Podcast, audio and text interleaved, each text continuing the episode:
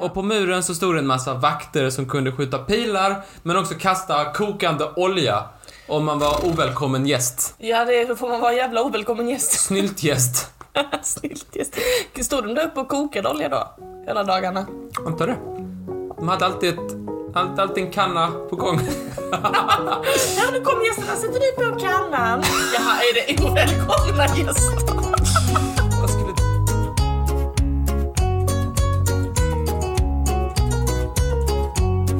Välkomna till Trivialist. Hej. Eh, Den fantastiska podden som görs varje vecka av dig Martin. Och är Molly. Ja! Jag tänkte ge ett socialt experiment nämligen och se vad som händer om jag inte frågar dig hur du mår först och se ifall Ah. du kommer dit. Men det gjorde du inte, så då Ah. får jag, hur mår du Martin? Ja, förlåt. Eh, jo, tack. Ja, men jag har ju återigen eh, vatten i källaren. Ja, det är problematiskt ja, så att mm, du fick översvämning Ja. i oktober och ehm, det tog dig flera veckor att ringa vaktmästare. Mm. Sen ringde du då en gång och sen tänkte du jag behöver inte kolla eller så om, om det är löst utan Jo, det... det var löst ett tag. Det var torrt på marken, så då satte jag ju grejer på marken. Ja. Men då kom ju vattnet igen och nu är de förstörda igen. Men, jag har gjort min hemläxa. Jag har inte satt mitt krispaket på marken. Den är i en plastlåda långt uppe. Så att eh, fort Armageddon kan komma för att jag har nudlar där. Hur mår du? Jag har varit på en föreläsning idag. Det är därför jag är så trött, för att jag vaknade klockan åtta som någon jävla nektorgal. um, så uppe med tuppen så att säga. Eh, veckans fråga från lyssnarna, det är eh, hur det kommer sig att vi eh, startade den här podden. Det ska bli intressant att höra din version innan Min jag berättar version? min. Men jag har ju minne som ett såll. Vi gagga. Och sen så kom vi på, äh, vad skoj det är att gagga. Om vi bara hade någon anledning att gagga lite. Just det. Och då sa vi, vi kan göra en podd. Så kan vi gagga lite. Och dessutom så hade vi anekdoter om helt olika saker. Vi är intresserade av liksom olika typer av grejer och därför så är risken liten att vi vet samma sak. Mm. Så det var bra. Dagens tema är ju låst. Vems tema var det? Alltså om man måste säga att det var någon så kan man säga tippar väl över lite på min sida Det, det då. kan man tycka ja. Idag blir det misslyckade brottslingar, aluminiumfolie, dåliga scouter och en upplåst dörr. Jag ska berätta för dig om postrånet i Göteborg. I januari 2008 så ska ett gäng brutala rånare göra en attack mot en värdetransport på Göteborgs tågstation. Efter nästan ett helt år av planering, förberedelse och misslyckade försök är det äntligen dags att rå på sig sitt byte. Snabbt börjar gänget lasta in säckarna i sin jeep och kör iväg i natten. 80 miljoner kronor rikare. Men vi tar det från början. Mm, mm. Året är 2007 och vår huvudperson, vi kan kalla honom René, för det är hans namn. Han har precis blivit utsläppt ur fängelset.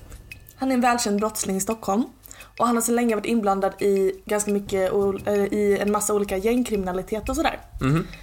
Men René, han har en dröm. Han vill starta sitt eget gäng. Ett gäng som han planerar att döpa till Ärans män. Ärans män. Ja, du tycker det är ett dåligt namn på ett kriminellt gäng? Ärans män. Det låter som en pensionärsförening. Ja, lite. Um, för att klara av det här så måste René först betala av sina egna skulder till de redan existerande gängen. Och sen måste han också ha ett Som startkapital. abonnemang. Hade han redan bindningstid? Nej. Eh, han vet vad som måste göras. Han måste utföra ett rån. Ah. René kommer över information om värdetransporter till postcentralen i Göteborg. Vad det betyder helt enkelt är att säckar med pengar som behöver föras mellan bank till bank eh, anländer till Göteborgs tågstation. Och han får alltså papper med information om vilken tid, eh, vilken typ av tåg, hur mycket pengar det rör sig om, säkerhetsrutiner och så vidare och så vidare. Han, han börjar göra lite kalkyleringar då och fundera på om det här, eh, det här kan vara någonting.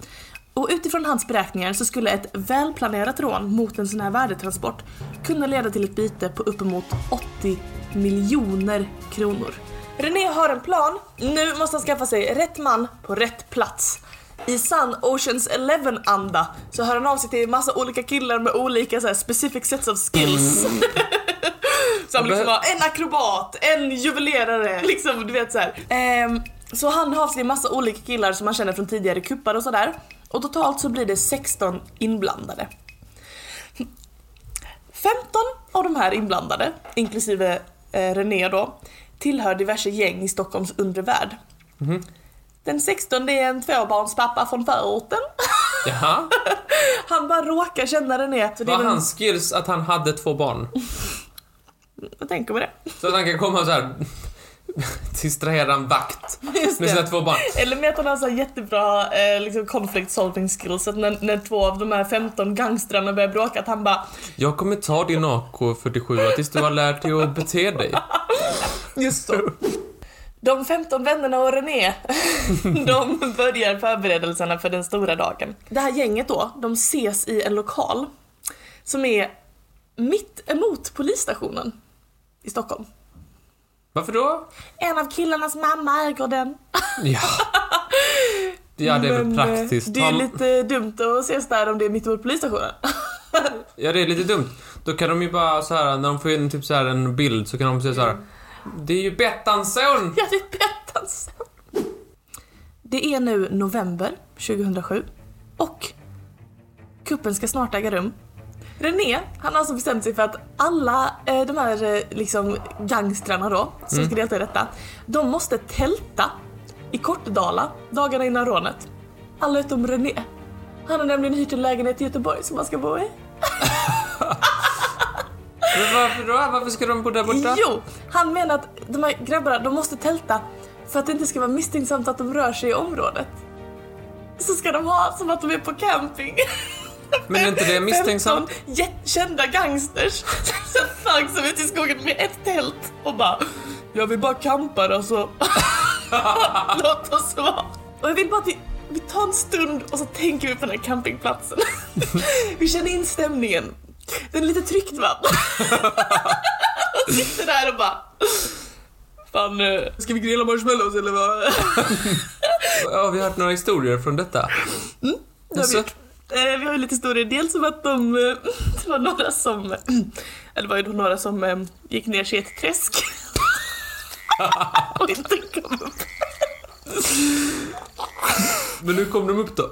Nej, de fick ju hjälp av sina, sina kamrater. Sen var det ytterligare ett gäng som, eh, som gick vilse i skogen. Inte kass. kom tillbaka. Ja, men det är ju så praktiskt. Men jag vill att vi lever oss in i den här småbarnspappans sinne nu. Så han sitter där med 14 gangsters och han bara Grabbar, jag är snart klar med grillkorven. Vem har ett bröd? Smocke! Vill du ha varm choklad Smocke? Alltså de. Nej men gift Ragnar. Var är dina tumvantar? Du kommer ju förfrysa i det där träsket. Förlåt, jag tycker bara bilden är lustig. Det är bara det jag vill ha sagt. Mm. Nej, det måste varit lite tryggt. Men jag, jag, jag hoppas och tror att den här småbarnspappan tar hand om dem. Han hade det under kontroll. De Men, kanske eh, är så här. När René ringde sen så sa de så här, så här Nej, vi vill inte komma in. Vi har funnit oss själva här ute. Ja, vi ska ha båtrace nu ju. Slagge Fredde har lärt mig hur man knyter en sån här råbandsknop. Jag tänker inte komma hem. Ska jag säga eh, körsbäret på den här skitglassen som är deras campingsemester. Vadå? De har slagit läger precis bredvid en sån här brandkårscentral. Va? Men det kan man ju inte Med göra. brandkåren. Så att eh, brandmännens joggingslinga går precis vid deras tält. Ja, så Så det åker förbi en massa brandmän hela tiden som bara Haha. Så sitter de där i blåbärsriset och bara Don't mind us. Det är bara en liten semester. Så kast.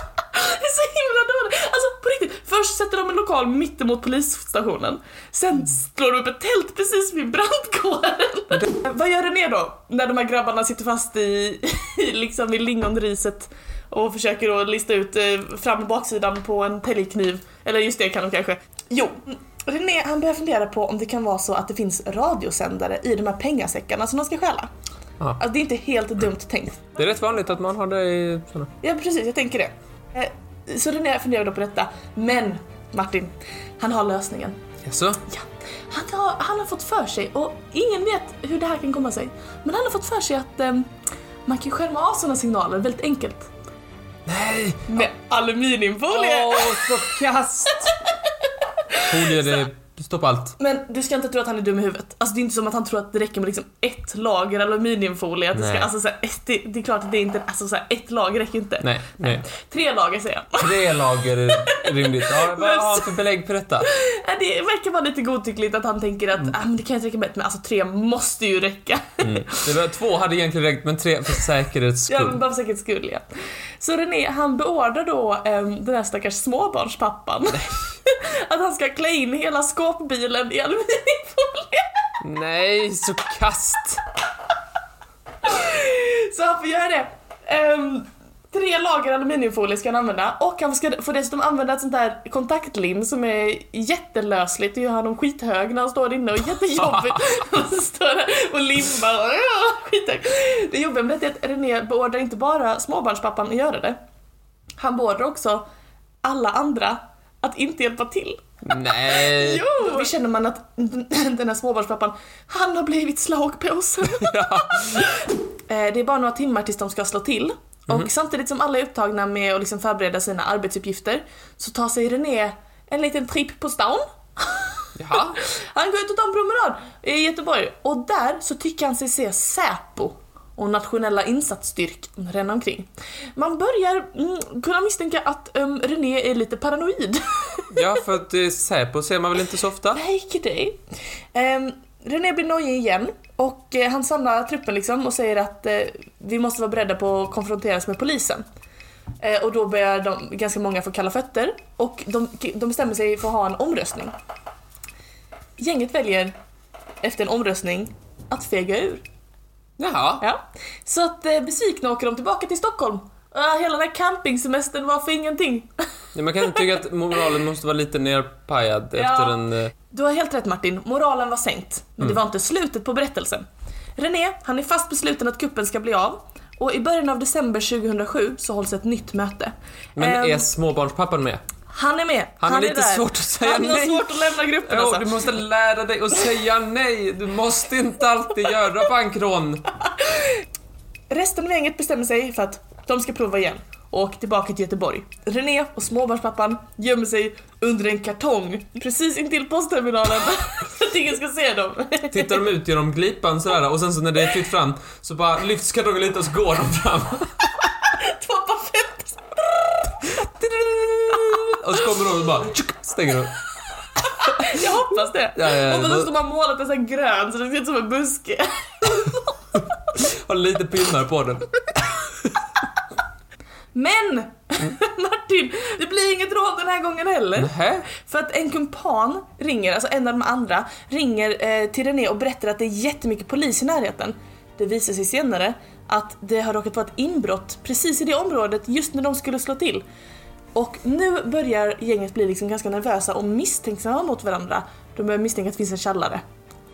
Svettig stämning, framförallt för småbarnspappan känner jag. Ja, för att han... Han är liksom lite outsider om man säger så. Men han vet väl om att golare har inga Han polare? känner ju till det sen gammalt. Ja, det... Eh, Men ehm, de, de åker ju alltså återigen tillbaka till Stockholm och är väldigt besvikna. Men René, han kör på va? Om det är något han har så är det sin envishet. Det blir januari 2008 och nu är killarna redo igen. Den här gången så blir det inget campande. De har skaffat en ordentlig lägenhet i Göteborg, de lärde sig sin läxa förra gången. Um, grejen är att det är en etta där alla ska få plats på golvet. Ah, Alla utom René! Han... Han har ju en egen lägenhet. Jaha. Och småbarnspappan? Han är med, han är, Han är där i han är där, han är där hela vägen in i mål. Ehm, så nu eh, är det alltså slut på förspelet Martin, låt oss dyka rätt in i själva rånet. Natten till den 22 januari 2008. Dagen är äntligen här. Efter nästan ett helt års planerande och en massa misslyckanden så är de redo och alla är på plats. Och klockan 01.29 så kommer då tåget med den här värdetransporten. De smyger sig fram till dörren och ska bryta upp de låsta portarna. Där kommer dagens tema in. Wow. Jag, jag, jag har suttit och väntat.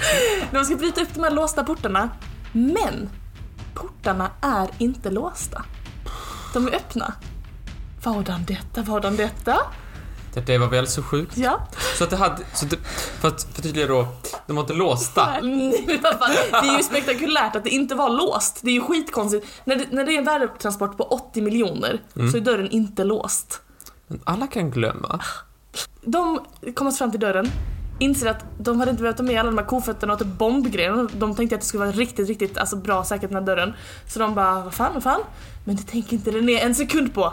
Han bara, gud vad bra! Så han valsar in med gänget, drar fram sina skjutvapen och börjar hota personalen. Eh, det är 11 personer i personalen som tvingas att visa dem var de här värdesäckarna finns.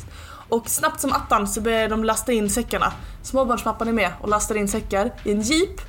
Så, var det hans specialgrej? Att han var, han var Bra van, på att lasta. han var van vid att få plats med så mycket som möjligt. En För han har haft två barn och alla Åh, ishockey, den ena ungen har ishockey och den andra hästhoppning. Vi kommer bil. aldrig få plats med detta, vi måste verkligen organisera oss. Tetris, ni vet, Tetris. Bil-Tetris ja. Ehm, de börjar alltså lasta in säckarna och efter 10 minuter så är rånet helt klart. Allt verkar ha fungerat och gänget kör iväg i natten. När jublet har lagt sig hos ärans män så öppnar de säckarna och får svart på vitt vilka amatörer de har varit. Killarna inser snart att säckarna är inte alls fulla med 80 miljoner kronor. De är fulla med vanlig post. Nej!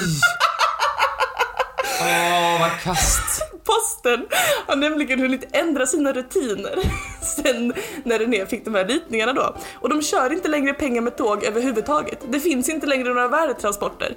Men eh, det här har René helt glömt att kolla upp. Ja, så dumt. Han har helt glömt av att kolla om det skulle vara så att de här papperna kanske är lite gamla. Nej, vad kast. Någon tabell har ändrats eller sådär. Så han har bara kört på sina gamla data liksom. Men var det, Eh. var det något värdefullt i posten? Ja, några dagar så, senare så träffas ligan igen och René tvingas då liksom berätta för det här gänget vars tid han har ödslat i ett helt år att alltså, det, det rör sig liksom om några tusen per person. Nej. Det finns också då rikskuponger för 400 000 som de inte lyckas lösa in eh, och presentkort för 100 000 men vad fan ska, ska de gå till H&M liksom? Ska inte gå Ja, nu har vi en jävla massa presentkort här. Och Någon också- som vill gå på bio? Grejen är att två av de här kumpanerna de åker fast ganska snabbt. En av dem har tydligen berättat för sin tjej att de har gjort det här och hon har gått omkring och skrutit för hela stan om att hon ska bli rik snart. Eh, men där fick hon fel på flera plan. Eh, Praktiskt. Sakta men säkert så fångas varje enskild person som är inblandad in och till slutligen så står 16 personer inför rätta för det här rånet då. Det slutar med många och långa straff. Det blir tre år i fängelse för småbarnspappan, vilket ju är lång tid men det är inte hela världen. Eh, det blir sju år för René ehm, och som jag förstår det så är det också tre år för de flesta andra som bara har varit lite så smått inblandade. Så slutar den sagan och vad kan vi då eh, ta med oss från den här pratan Martin? Jo, brott lönar sig aldrig i längden. Speciellt inte om man låter bli att dubbelkolla ifall bytet faktiskt finns. Och om att tvinga alla sina kumpaner att bo i skogen när man själv lyxat till det i en enpersonslägenhet i centrala Göteborg. Mm. Det var min prata. Mycket trevlig. Mycket trevlig. Tankar och frågor? Hemmelöst. Vadå, det var vällöst? Ja, det ska inte komma och komma till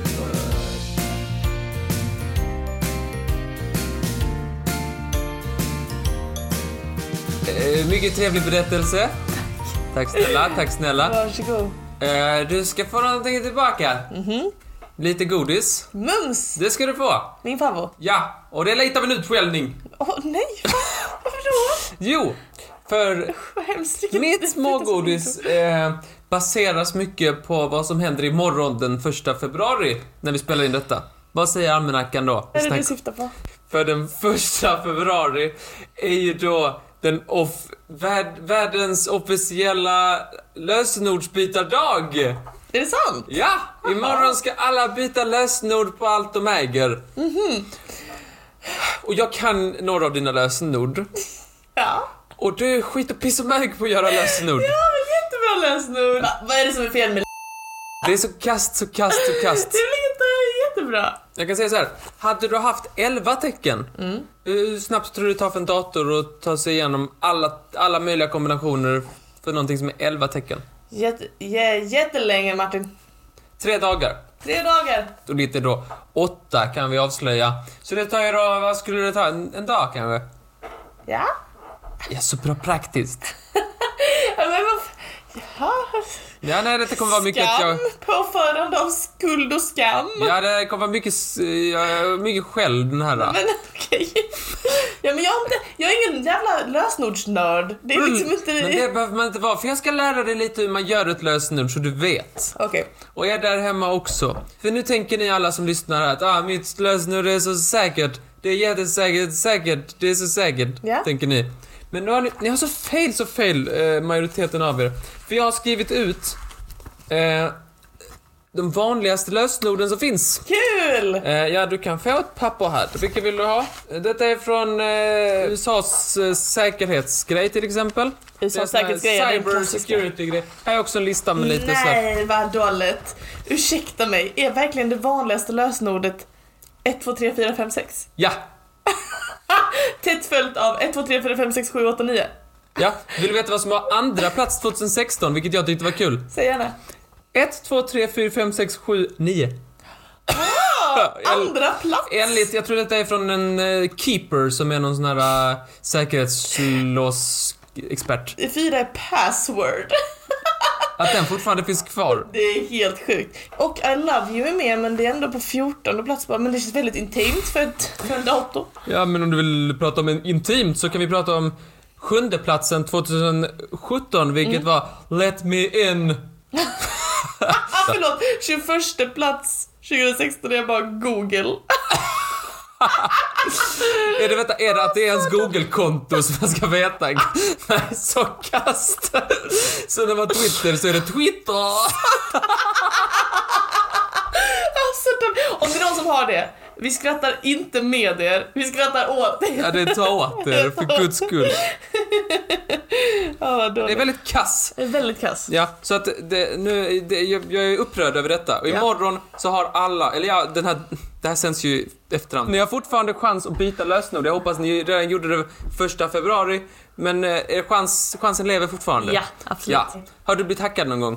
Ja, du vet att jag har blivit tackad jättemånga Hade gånger. du, hade du också hade du password då eller var det Google till. Google-kontot? Det var Instagram. Eh, Några tips här. Om man känner att ah, men jag, jag kan inte komma ihåg det om det inte är en massa ord, typ. Jag, jag, kan, jag måste ha liksom så här. "Åh, jag heter Martin, eller någonting. Ja. Ja, då får ni ha ett långt lösenord. Då är räddningen långt. Tänk Okej. långt. Mm. 25 tecken om man har det. Det tar 2567 år för den här datorn att räkna ut. För 25 samma dator. 25 tecken är fan nästan hela alfabetet. Ha inte hela alfabetet. Om man vill göra lite bättre så inga ord som, som är associerade med varandra. Så helst inte, jag heter Martin, jag gillar fotboll. Det är ganska, man ska helst ha någonting typ så här. i så fall ska man ha dörrkarm, slips, strumpor, paraply. Alltså det är det jag ska ha som lösenord. Mm, ja, det är lite dumt. Men i teorin ja. Ja. Eh, Principen, principen. Okej, mhm. Men helst ska du inte ha några ord överhuvudtaget utan du ska köra på lite mer så här. Du ska köra på lite random. Mitt tips som jag alltid använder, som eh, man ibland rekommenderar, att man ska ta en mening. Okej. Till exempel, jag tar meningen Jag gillar pastasallad med vitlökssås och Pepsi Max. Ja, det är sant. Mm. Om man tar första bokstaven i alla orden där, Mm. då blir det JGPMVOPM. Okej. Och det är ett ganska bra lösenord. Ah, men ska det inte några siffror och tecken och grejer där inne? Jo, det kan man ju lägga till. Och så kan man ha ett soltecken efteråt. Det är bara, det är ingen, det är bara jag som använder soltecknet på tangenten. Det är på fyrans tangent. Okej, bra, Ett, du, ett soltecken. bra att du outar dig själv. Ja, folk som bara sätter sitt...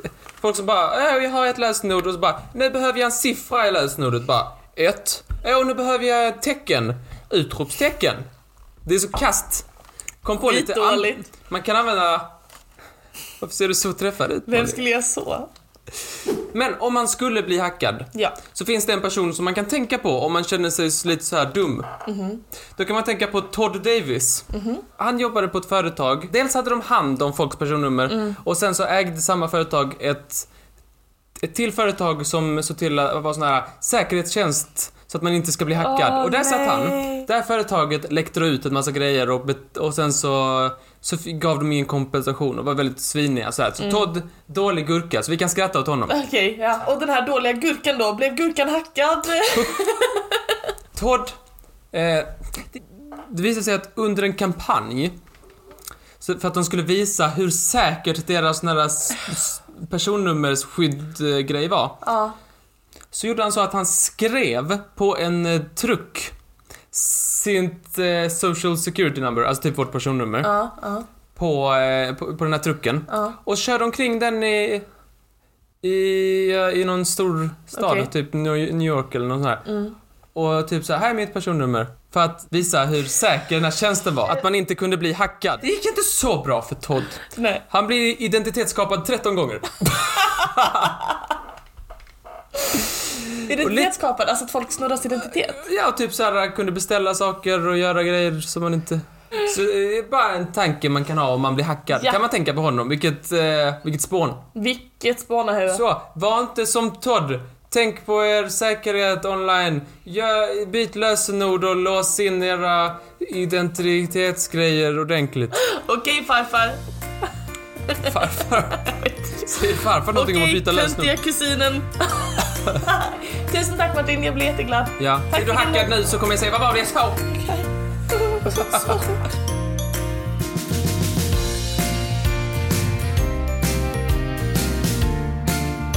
Du ser så lurig ut. Vad är det du ska...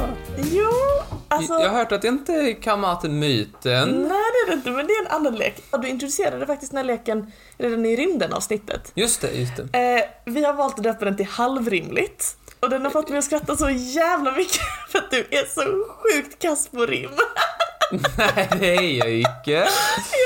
Det, det går till så här att ehm, du hade då tänkt ut någonting och sa inte vad det var. Och sen så hade du fem stycken rim eh, där det blev lättare och lättare att gissa vad du hade tänkt det på och så skulle jag försöka gissa. Och jag tycker de är jätteroliga men alltså du är ju helt sjuk i huvudet med det. Jag tycker jag är helt rimlig Men och eftersom att det är jag som rimmar den här gången jag faktiskt kan rimma så har jag valt att döpa den till helrimligt. helt rimligt. Du säger att mitt inte brukar rimma, men jag, jag har papper från rimlexikon.se som säger annat. Jag har tänkt på någonting och prata om i smågodiset och det är din uppgift att gissa vad det är. Okej. Eh, och eh, första rimmet erbjuder då 5 poäng. Om du knäcker det första rimmet så får du 5 poäng. Knäcker du det på andra rimmet får du 4 poäng. 3, 2, 1 och så vidare. Och det fina i kråksången som du har sagt det är att när du gissar rätt, som jag bara antar att du kommer göra, så blipar vi det. Och så kan lyssnarna liksom spela med. Så lyssnarna kan vara med och spela den här leken så kan de missa hela vägen in i slutet. Tja. Och sen i slutet så förklarar jag mina rim. Då börjar vi med den första ledtråden. Vi börjar i armarna, men får problem med benen. Att vara euroasiatisk leksak är inte för klenen. Olikt hans byte gömmer vi oss i sten. Det jag söker är ett levande Aten. Ja, nu ska vi tänka här. Bara vi börjar i armarna. Axel. Eller handen. Det beror på vad man ser i början på armarna. Problem med benen. Benbrott. En euroasiatisk leksak är inte för klenen. Det- Precis. Pyramiderna. Nej. Okej, är du redo? Eh, ledtråd nummer två. Okej. Nebb, va? Det gäller Peru. För att hitta hit får man vara ett riktigt jehu. Fast vårat mål fanns långt innan han. I minsta rummet, men ack så grann. Det här är mycket lättare än din kan jag bara säga direkt. Alltså på, mycket lättare än hur dina brukar vara. Nej. Åh, så fel du har. Ja, mailstormen är på väg. Okej. Inte Peru. Jag känner att vi kommer tillbaka till det här med pyramiderna. Peru har pyramider, typ. Vill du höra den igen? Ja. Nebb, va? Det gäller Peru. Tyst där! Inka. Inka, Cusco, eh, Machu Picchu. Då går jag vidare till tre poängaren då. Väl dold, men kan hittas med rätt kartor. Idag finns det risk att han är mål för charter. Något härifrån har en gång hörts i vår eter. Tut sa det från vår måltavlas trumpeter.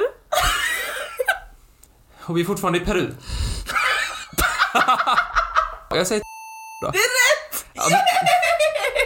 Du, ska få, du kommer förstå allting sen. Men Martin, bara för att du har knäckt det så betyder inte det att alla lyssnare redan har knäckt det. Hjärtlös och iskall. med hårt yttre skal. På grund av hans arv blir det svårt att gå på bal. Inte bara hjärtlös utan även hål i huvudet. Nu börjar jag tänka snart att du vet. Va? Vad var rimmet där? Huvudet, du vet. Ja, så kast! Nej, det var för kast. Vill du råda något över mig? En poäng den, så ni som inte knäckt den, ingen skam. Men här, här kommer då sista, nu, nu hoppas jag att de flesta har det. Mm. Pappa, au! Min trekant är för tung, sa kanske vårt mål, som dog så ung. Kanske är det därför han valt att förbanna alla som inte lät honom i graven stanna. Tycker jag var bra.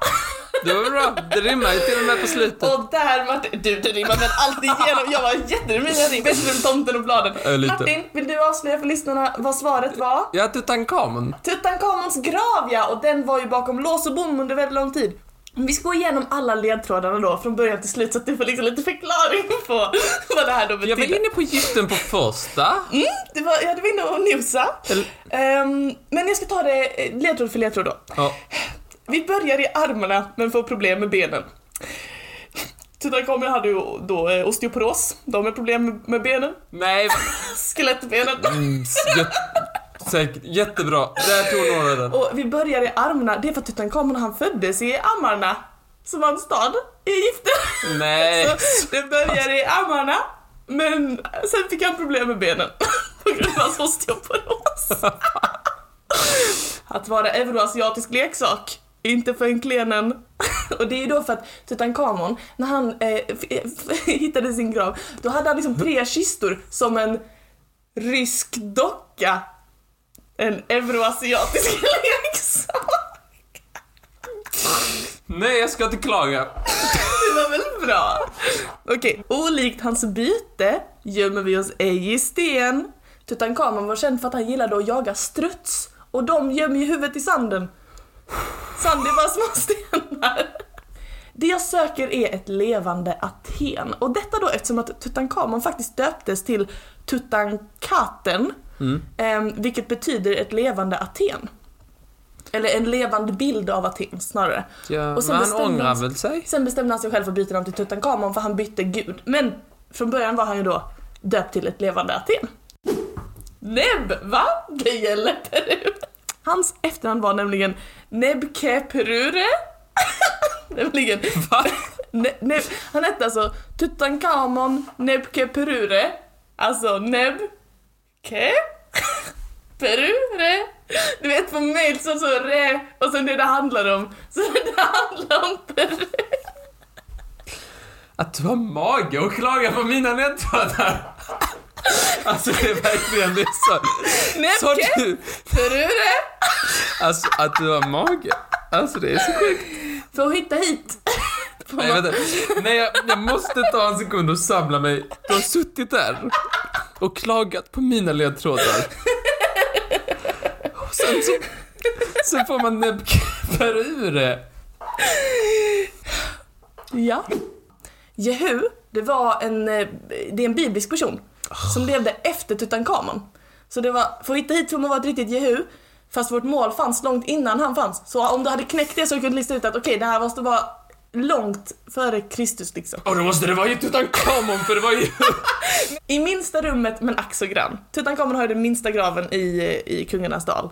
Eh, och, eh, men han har en jättefin grav. Väl dold men kan hittas med rätt kartor. Han som hittade den hette ju Carter. Hittas med rätt kartor, han är rätt kartor, du, du fattar. Idag finns det risk att han är mål för charter. det finns ju de som åker på charterresa. Kanske till Egypten och sådär. Jag har varit... eh, Har du det? Ja. Kul. Ehm, Okej, här kommer en rolig. Något härifrån har en gång hörts i vår eter. Mm. Tut sa det från vår måltavlas trumpeter. och då är det då dels Tut, som jag, jag tyckte jag slängde in den lite för jag tänkte den kommer Martin ta det på, han säger, det säger Tut liksom. I Tutankhamons kammare så hittade man två stycken trumpeter. Som man en gång har spelat i på brittisk radio. och livesänt, bara för att kolla om man fortfarande kan, och det kunde man. Men de råkade använda ett modernt munstycke som sabbade ena trumpeten. Det var ju Nej, vad kast! Men det var ju inte ens deras. Nej, jag vet, det var ju Tutankhamons. Ja, och, och Egyptens Ja, kanske. det är oss, det är oss. Vi går vidare till två, men där, där tog ju du det Martin. Du ska, fan, du ska vara jättestolt att du tog det. Det är, det är jättebra jobbat. Eh, Två poäng i den. Hjärtlös och iskall med hårt yttre skal. Det är ganska självförklarligt. Han, han, Tutankhamon hittades ju utan hjärta i kroppen. Han hade någon liten skarabé eller någonting istället. Och iskall då, lik. Jättekall. Eh, med hårt yttre skal, det är hans farao-kista liksom. Eh, på grund av hans arv blir det svårt att gå på bal. Tutankhamon var ju väldigt inavlad. hans föräldrar var syskon och hans fru var hans halvsyster också. Så det var lite fel. Det lite Ehm, fel. och det här gjorde då att han hade då bland annat osteoporos, men också att han hade klumpfot. Och därför är det svårt för honom att gå på bal. För att han hade klumpfot på grund av sin, sitt inavlade arv liksom. Eller så sa han att han hade klubbfot för att han inte ville gå på bal. Nej, det är det också brukar göra. Ja. Inte bara hjärtlös, alltså att han inte har något hjärta, utan även hål i huvudet. Och där tänkte jag att många skulle kunna ta det. Många vet ju att Tutankhamon ha- hade ett hål i huvudet när de hittade honom. Och man trodde länge att han mördades, att det här var att hålet var efter mordet. Men nu har man lyckats lista ut att det faktiskt kommer sig från mumifieringen, när de skulle ta ut hjärnan på honom. Ehm, nu börjar jag tänka snart att du vet, det var mest för att göra dig irriterad med ett kastring. uh, en poängare då. Pappa au, min trekant är för tung. Pappa au, farao, farao, farao. Min trekant är för tung, pyramiden. Pyramiden. Ja, precis. Sa kanske vårt mål som dog så ung, Tutankhamon dog ju innan 19 års ålder, väldigt, väldigt ung. Och då hade han ändå varit kung i 10 år, what the fuck. Men okej, i alla fall. Kanske är det därför han valt att förbanna alla som inte lät honom i graven stanna. Och det är då för att famously Tutankhamons förbannelse ska enligt sägnen drabba de som går in i hans grav och tog ut honom från graven och så. Men det var i alla fall eh, det om Tutankhamon. Mm. Mycket intressant. Eh, Fråga. Ja? Har det med låst att göra? Du ska inte komma till mig. Det var väl jättelåst den graven? Är Något av de låstaste ställena på hela jorden. Hur öppnar man den då? Jag vet inte. Med kartor. Rätt kartor.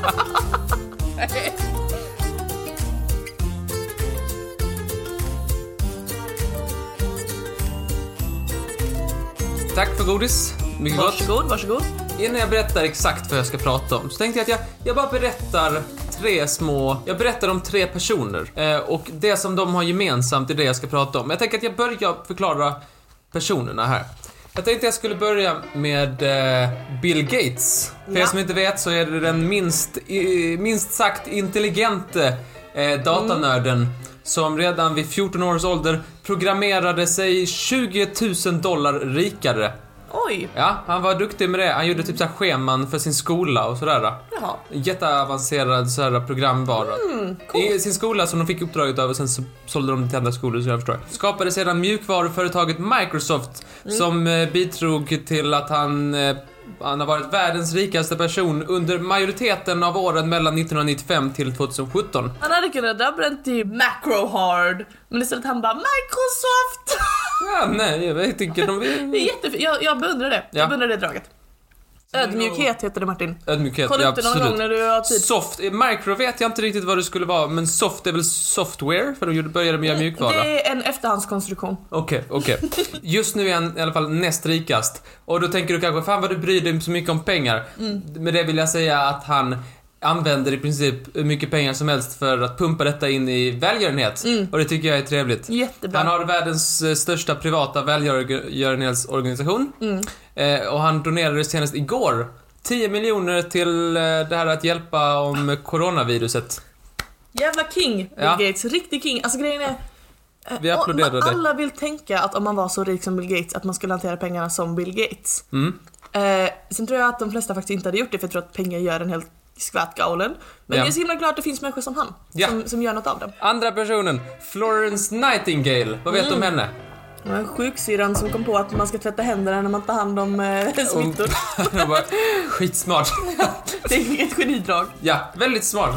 Det är sjuksköterska som genom sina extremt viktiga insatser under framförallt från början Krimkriget, då hon hjälpte till i sjukstugorna, eller så här, fältsjukhusen eller vad det heter, eh, och lyckades förbättra sjukvården och hygienen extremt mycket. Så liksom dödligheten sjönk jättemycket. Enligt Wikipedia så sjönk dödligheten från 42% till 2% Och jävlar! i de här sjukstugorna under kriget. Ja, det är helt sjukt. Bra jobbat Florence. Eh, Bra jobbat! Fan vilka bra personer. Hon blev, eh, efter kriget så blev hon då en del av det här omformel, omformandet av sjuksköterskeyrket och sjukvården, men också viktig för eh, kvinnors rättigheter. Och tredje personen, eh, Jan Smuts. Förlåt jag, jag måste ha hört fel. Ja, Vad sa du? han heter Jan Smuts. Men jag har jag. Vem är han då? Han valde jag mest för hans namn. Ja. Han, han ledde sydafrikanska trupper mot tyskarna under andra världskriget. Jag Ja. vet inte mer än så om honom, men utifrån det låter det som en bra människa. Ja. De tre har någonting gemensamt. Dessa tre är några av exemplen som har tilldelats stadens nyckel från London. Stadens nyckel. Detta är inte någonting som bara finns i London, utan det finns eh, över många delar av världen. Mm. Framförallt de länderna som, som har eh, varit en del av liksom, Storbritannien. Just det. För stadens nyckel, det ges inte ut till vem som helst, det har vi hört nu, de tre exemplen. Utan det är till lite speciella personer, men det har sett, ut, sett lite olika ut genom historien. B- b- Så här. Eh, den har sitt liksom ursprung i det som kallas för Freedom of the City. Okej. Ja, eh, så liksom en del av det, att man får nyckel. Vad mer får man då? Men, ja, men vissa får typ så en liten, en liten ask. Eh, Så man kan använda nyckeln på dem? Nej, jag tror det är mer så här. Och idag tror man får mer av en tavla med typ så här olika... Stephen Fry fick en... eh, Jag har bara sett när han fick den och han fick en liten... eh, Han fick en, en tavla eh, och med lite inspiration. Det är kanske är en pinkod på tavlan. Det är kanske är modernt. För detta hedersbevis, det betyder att detta var en person eh, som eh, var välkommen tillbaka till staden. Och detta har sitt ursprung i det gamla Rom, likt allt bra har. De gamla romarna. de gamla romarna. För där, eh, i Rom så fanns det en mur som gick liksom, bakom den så var den gamla stadskärnan. Och eh, då var det bara det, och då gällde någonting som kallas för pomorium. Som betyder bakom muren på latin. Det var särskilda eh, rättigheter och regler som gällde bakom där. Jag tror jag kommer säga hedersmedborgare. För jag tror det är den Okej. närmsta svenska översättningen. Ja, okej. Ehm, att vara hedersmedborgare gjorde att man fick eh, många rättigheter, bland annat att man fick bära vapen. Och bakom den här eh, pomorium, generaler och militärchefer, de, deras titlar gällde inte bakom den. Och de fick inte bära vapen där till exempel. okej. Eh, enda gången de fick göra det var när det var såna här uh, tåg. Du vet såhär segertåg liksom genom staden och sådär. Och då hade man fått liksom freedom of the city för den Okej. gången liksom. För då man så. Men detta är bara ursprunget. Okej. Eh, lite senare, under medeltiden, Ja. så kommer det bli lite mera nyckligt. Folket är nyckliga. Under medeltiden, som sagt, då var liksom muren eh, en ganska central del av eh, en stads försvar. Mm, Det var liksom viktigt. Utan mur så var det ganska dåligt. Man, kunde, man kunde inte ha en stad utan mur, för då, då bara trallar ju folk in och dörren. Just det. måste ha en mur. Ja. Och på muren så stod det en massa vakter som kunde skjuta pilar, men också kasta kokande olja om man var ovälkommen gäst. Ja, det får man vara en jävla ovälkommen gäst. Snyltgäst. Snyggt gäst. Stod de där uppe och kokade olja då? Hela dagarna? Antar det. De hade alltid, ett, hade alltid en kanna på gång. Ja, nu kommer gästerna. Sätter du på kannan? Jaha, är det ovälkomna gäster? Under medeltiden så, så började man, på grund av den här, att man hade en mur, dela ut fysiska nycklar som skulle liksom vara så här: Tja! Eh, kära gäst. Du får komma när du vill. Du får komma och gå som du vill. Du får nyckeln liksom. Du vet som de är till städerskan fast Oh my god, annat. så nyckeln till staden är typ som att man ger nyckeln till sin lägenhet till den man är ihop med. Ja, Så här, nu får du komma och gå, nu har du mitt förtroende liksom. Att du precis, precis. Ha, så lite av en kärlekshandling kan man säga. Ja, ehm, detta gavs ofta till höga politiker som man kanske så här, om man ville ha bra politiska relationer till grannbyn liksom. Tar du nyckeln? Det, är- det är okej, jag litar på dig. Och så bara, ja du får min nyckel. Så är det lite så här band. Just det. Och så kopierar man den och säljer. Nej, nej det gör man inte. Ehm, eh, men man kunde också ge till typ viktiga handelsmän. Så man gav det till en vän som skulle få gå och lämna fritt. Ehm, idag så är det endast lite så här ceremoniellt. Man får liksom, det är inte som att man får en nyckel liksom så här, så här fysiskt. Du får gå hur du vill. Ehm, Och tidigare så fanns fler rättigheter. Man, nu finns det ganska få rättigheter. Okej. Yes. Så det är mer en symbol av så här, staden gillar dig. Ja, nu lite mer så här programledare och eh, sportikoner. eh. Det fanns dock tid, rättigheter tidigare eh, som inte gäller oavsett vilka rykten du hör. Okej. I London, jag vet, du har ju bott i London så detta känner du nog rätt bra, bättre till än vad jag vet. Men i London så skulle man exempelvis få lov att transportera över sina får över Themsen. Tidigare så var det liksom så här bra att få åka gratis över Themsen och få sälja sina fårköttgrejer på andra sidan. Ja. Och så här, utan att be- behöva betala tull, för då ökade vi- vinsten ja liksom. ingen tull för ull. Det är minnesregeln, ja. och och eh, grejen är att den gäller inte idag. Nej. Men folk tror att det fortfarande gäller. Ah, bull. Så folk säger så här, ah. Så folk säger att, ah, men då kan man gå med får över där. Men det stämmer inte. Ibland så gör man lite så här PR-trick från London Jo, jo. stads sida. Ja, det känner jag till. Eh, och ett av dem är att man fortfarande, man tar in ett gäng får Mm. och sätter dem på en bana på, på eh, bro över London Themsen. Bridge typ, eller någon... Någon av, dem, eh, någon av broarna, jag vet Ja. inte, det finns rätt många. Eh, och sen så kommer en massa folk som är, har fått det här Freedom of City och vallar fåren fram och tillbaka. Det är det sjukaste jag någonsin De har hört. turas om. Ja, det finns på YouTube. Ja, helt galet. Eh, det finns, men jag är, jag är osäker av, jag är ganska säker på att de kanske mest kändaste på den listan inte har gjort det. Okej. Jag tror till exempel inte Nelson Mandela har gjort det. Nej. Han finns på listan. Och många av i kungahuset och sådär runt omkring där har också fått. Jag tror inte heller de har vallat får. En grej som man fick göra tidigare men inte idag är bära svärd i London. Ja, det får man Det får man inte, inte ens om man heter Stephen Fry eller Nelson Mandela. Nej. Men får Bill Gates, han blev väldigt, om det är litet och mjukt. Fan vad vi är trötta. Ibland blir det lite fel. 1980 så gav eh, Detroit ut sin nyckel till en person som inte kanske var det bästa valet när man ser så här i efterhand. Jaha. Vem skulle det kunna vara? Man gav den till Saddam Hussein. Det, det ångrade man sen. Vad säger du det? Han hade tydligen donerat en massa pengar till en lokal kyrka och därefter fått nyckeln. Men man kan säga att efter det kanske de blev lite, tänkte ett varv till innan Ja. de gav ut sin nyckel. Och de kanske försöker rättfärdiga sitt misstag genom att de eh, gav den till jultomten. Nej. Men Detroit? Ja, Vad håller de på med? så gav de till jultomten. Var han där emot den? Ja, Var han det? ja precis. Han var faktiskt där och tog emot den. Och det har blivit lite av en tradition. Så varje år så ger de ut stadens nyckel till jultomten. Det var väl... Det var väl rätt sjukt. Ja, om du tycker jultomten var sjuk, då kan du ju i alla fall... Hmm. Scarlet's Magic har också fått stadens nyckel i... Eh, I en stad i USA, i Kalifornien. Jag har skrivit upp. Men vem är Scarlet's Magic? Jo, det är en katt. Åh, katt! Och vad tror du att en katt behöver göra för att få erkännandet av stadens nyckel? Eh, de räddar någon från ett brinnande hus. Nästan. Ja.